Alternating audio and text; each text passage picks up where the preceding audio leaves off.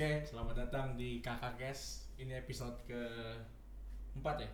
Episode keempat dengan gue eh, nama gue Muhammad Awi Karuniado dan teman gue satu lagi Egi Mulyandri Egi Mulyandri ya. Kalau kemarin tamunya Jason Kantoro, sekarang gak ada tamu, balik lagi ke orang awal. Jadi hari ini kita bakal ngebahas tentang budaya untuk membaca. Budaya untuk membaca.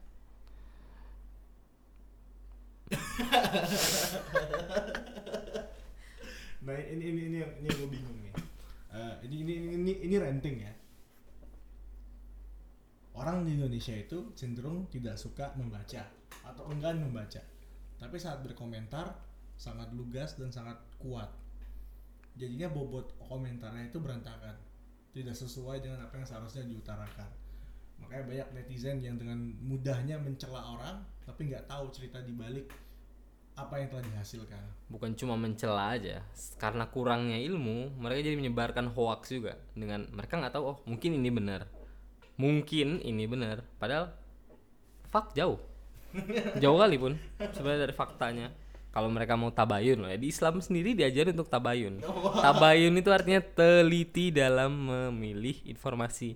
Pastiin dulu ini tuh benar atau nggak verifikasi, validasi. Nah, Nah, orang Indonesia nggak suka, Cenderung, cenderung. cenderung tidak suka. Makanya banyak WhatsApp yang yang kasih berita hoax ya. Kalau kalau kalau kalian lihat tuh di Instagram sempat ada iklan WhatsApp gimana caranya menghilangkan hoax. Buka ke WhatsApp group, leave the group. Yang paling banyak menyebar, menyebarkan hoax itu biasanya grup keluarga dan biasanya orang-orang tua yang lebih berumur gitu ya. yang lebih berumur. Kalau orang-orang kayak 18 sampai 35 usia produktif sih cenderung jarang karena rata-rata berpendidikan.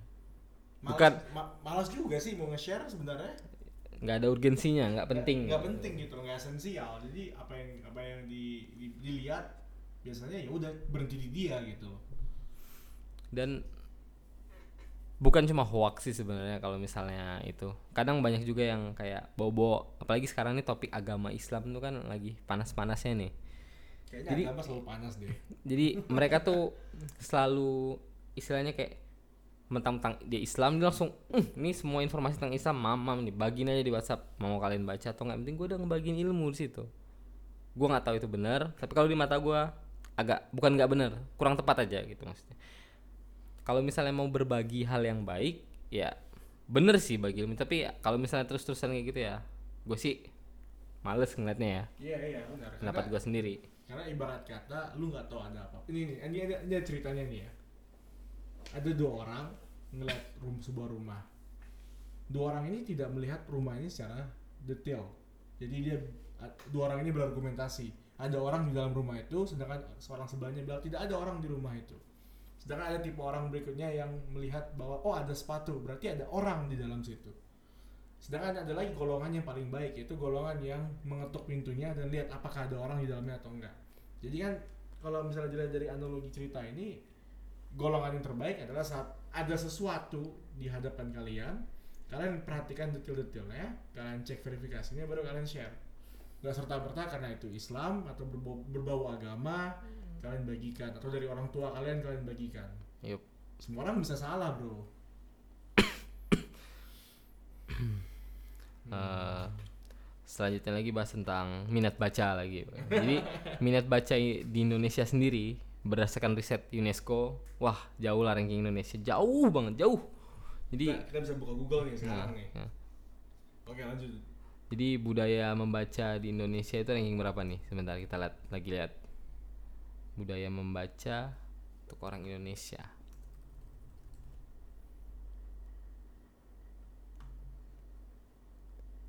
Hmm, kita dari detik.com nih ya. Detik News. Indonesia ranking 62 dari 70 negara. Penelitian tahun 2016. Penelitian tahun 2016 tuh ya. 62 dari 70 negara. Berarti ranking 8 terakhir tuh berarti. Hmm, luar biasa ya. Eh enggak, enggak 8 terakhir, 9 terakhir berarti. Mantap. Padahal penduduk kita banyak, tapi penduduk kita nggak suka baca. Aneh nggak? Aneh nggak sebenarnya gitu? Aneh aneh, aneh nggak? 2062 dari 70 negara. Gila ya. The fuck?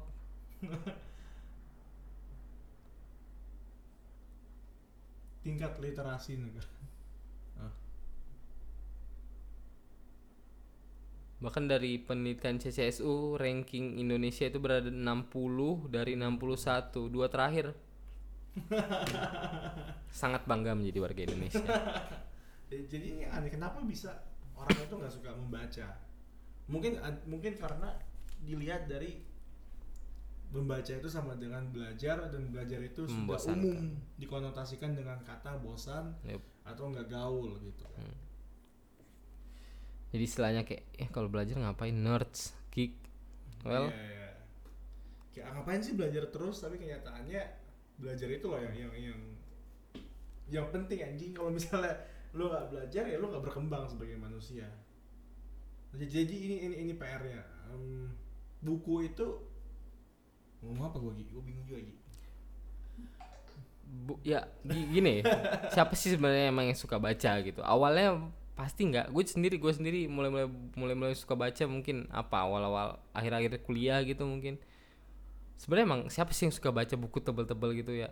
Tapi mau nggak mau, suka nggak suka, ilmunya tuh penting. Jadi ya suka nggak suka namanya keterusan enjoy sendiri kok. Yang pertama itu pasti berat, memulai itu pasti berat. Tapi ya kalau misalnya kalian mulai bis- bisa biasain, kalau gue sendiri mulai bacanya mulai aja baca novel kayak atau apa. Nanti coba baca-baca buku yang menurut ya pertama pilih deh buku-buku yang kalian agak ter- tertarik gitu. Jangan buku pelajaran langsung misalnya. Kayak misalnya kalau kalian suka apa nih misalnya suka tentang ilmu pengetahuan apa, sains atau apa, belajarlah mungkin dari situ kalau kalian suka trading baca buku tentang trading kalau kalian suka tentang finansial belajar tentang manajemen eh, keuangan dan lain-lain atau risk management pilih aja dulu yang kalian suka nanti ikutin sendiri Iya. Dan yang pasti itu saat saat membaca itu sebenarnya harus dipaksakan. Itu paling pertama deh. Itu harus dipaksakan. obligasi untuk memperbaiki diri sendiri ya belajar nggak nggak nggak nggak ada yang lain ya. Ja- jangan kayak jangan sampai sekolah itu memberhentikan pendidikan lo. Hmm. Karena sekolah itu memberikan edukasi tapi nggak sama dengan memberikan pendidikan. benar nggak orang yang sekolah tuh belum benar bisa dibilang ber- berpendidikan tapi ya belum tentu berilmu Ya, itu yang paling penting ya paling penting ya. berpendidikan ya ada ya dididik dia kan waktu SD, SMP, SMA sampai kuliah. Alhamdulillah kalau dia bisa kuliah. Ya, ya, menurut, menurut kalian nih orang yang sarjana satu S1 nih tapi saat masuk ke dunia kerja dan menghadapi berbagai macam masalah dia dengan gampangnya menyalahkan orang lain tidak men- mengintrospeksi diri itu apakah orang terdidik sebenarnya enggak kan Enggak. dengan dengan gampangnya menunjukkan bahwa bukan salah gue tapi itu salah orang lain. Saat saat bentuk kesalahan itu lu lempar ke orang lain berarti ya lu nggak punya kesadaran diri untuk bergerak maju gitu. Itu yang menyedihkan dari sarjana-sarjana kita. Dan baru-baru ini kalau nggak salah ada pemerintah apa namanya eh, grup riset ngeluarin eh, data kalau misalnya sekarang itu yang banyak nganggur tuh bukan anak SMA, SMK, melainkan malah dari sarjana S1 itu sendiri meningkat banget. Gua baca di Leonardo. Iya. Gue baca dari ada apa namanya dia konsultan ya. iya Konsultan. nah, di, di BPS nah ya eh, BPS meng- BPS BPS penganggu, pengangguran kita langsung buka dari Tirto ya 2018 tapi itu. karena saya suka Tirto Jadi sepanjang setiap tahunnya pengangguran untuk jenjang sarjana itu meningkat. Berarti antara lapangan kerja yang menurun atau kualitas dari orang itu sendiri. sarjana jenjang satu yang tidak mencukupi. Berdasarkan data yang disampaikan BPS, tingkat pengangguran terbuka lulusan universitas naik sebesar 1,13 persen dibanding Februari 2017. 1,13 persen. Men- ki- kita tidak usah ngomong seberapa banyak pengangguran terdidik yang memiliki gelar sarjana. Tidak usah ngomong berapa berapa ribu sarjana yang nganggur. Tidak usah. Tapi bukti bahwa sarjana yang nganggur bertambah itu bukti orang yang memiliki gelar tidak serta merta memiliki pendidikan terhadap bertindak ataupun dalam kualitas dirinya. Sarjana tapi rasionya meningkat satu persen. Harusnya kan kalau terdidik setiap tahun itu menurun malah membuka lapangan pekerjaan untuk Baru. orang-orang yang lain gitu. Yep. bukannya meningkat ini ini ini, menyedihkan Nah, kebetulan kami sendiri nih kan, kalau gue sendiri ya, gue sendiri kan baru lulus gitu kan. Gue lulus, cabang gue sendiri adalah informatika, berarti gue programmer, network engineer, pokoknya engineer lah intinya. Nah, kalau berdasarkan kurikulum dari apa yang gue dapet dari kampus, untuk masuk kerja itu ya nggak cukup kalau cuma belajar di kampus. Jadi emang harus ada skill tambahan yang kamu harus belajar sendiri. Misalnya contoh kamu kayak kalau gua sendiri belajarnya itu tentang cuma belajar pakai router Cisco. Sedangkan nyatanya waktu kerja kalau misalkan jadi network engineering, kalau misalnya perusahaannya itu bukan pakai router Cisco gimana? Dia pakai yang lain, pakai Nokia contohnya. Walaupun jarang Nokia itu ada. router Nokia itu ada dan gua gua sendiri pernah ngalamin kalau misalnya ada salah satu perusahaan besar di Indonesia waktu gua interview gue ditanya pernah megang router Nokia nggak? Bisa konfigurasinya atau bisa instalasinya? Nah di situ gua nggak nggak bisa jawab sama sekali karena gue sendiri aja baru tahu kalau ada router Nokia.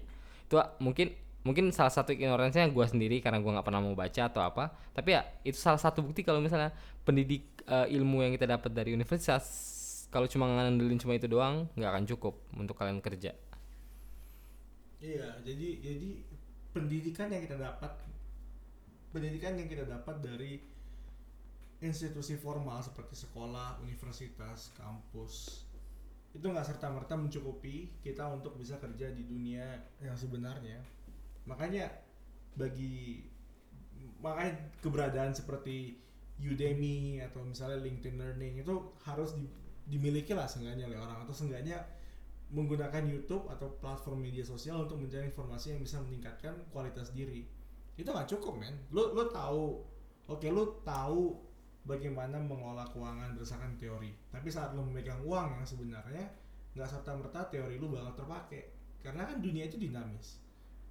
Misalnya misalnya juga teori marketing zaman dulu bisa aja tidak berlaku sekarang. Sekarang coba marketing di mana bukan lagi di TV tapi di sosial media kan.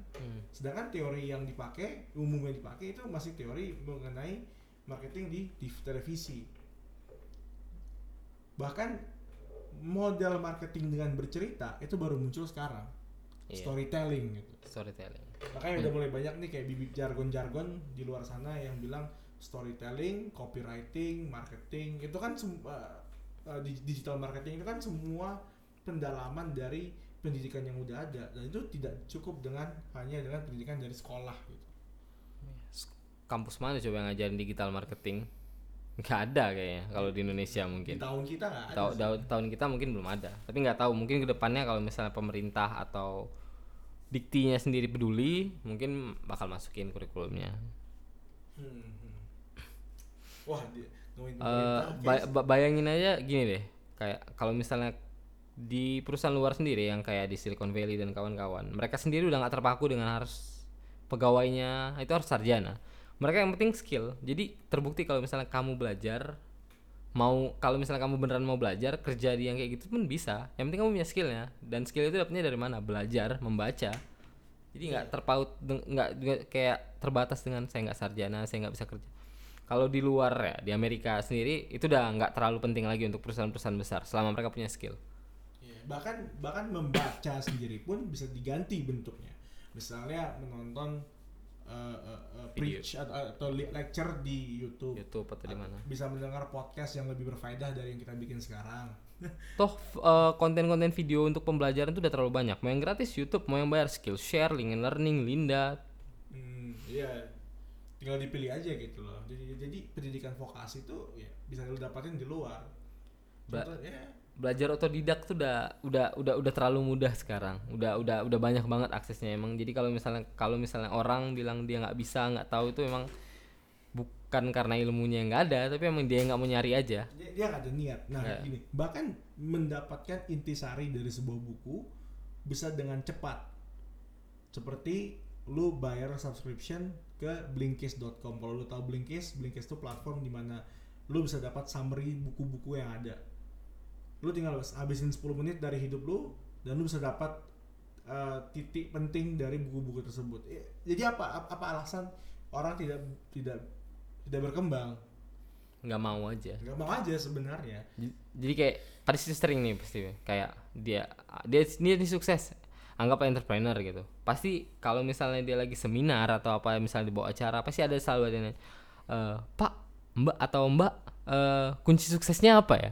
Nggak nggak ada yang namanya kunci sukses ya ujung-ujungnya satu mau sukses belajar. Usaha ap apalagi? Iya. belajar belajar. Nggak ada nggak ada nggak ada yang lain. Ya kalau kalau lu kalau lu punya tujuan dan lu siap belajar dan siap berkorban, kuatin mental, bukan masalah jika lagi, kapan. bukan bukan iya benar. Itu tuh itu itu kata-kata yang paling penting. Masalah apa bisa sukses atau enggak tuh bukan bukan masalah apa bisa bisa atau enggaknya lagi itu tinggal kapan aja suksesnya itu tinggal waktu aja Kapan suksesnya? Iya.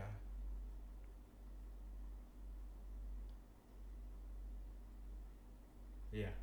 Kayak gitu doang deh buat podcast kali ini kali. 16 menit. cukup lah Cukup lah ya. cukup lah anjing udah dongeng anjing walaupun ya udah Eh, sekian aja podcast kita berantakan emang. Karena Iya. beda sama podcast sebelumnya podcast pertama kita tanpa ada guideline. Kalau ini langsung spontan semoga kalian terhibur semoga kalian jadi ya pengen belajar atau apa ya terserah kalian. Terserah kalian. Pokoknya buat semua kalian yang buat semua kalian yang denger ini ngapain dengerin ini? Belajar anjing. Oke. Terima kasih atas 17 menit waktunya. Kakak Kakak kes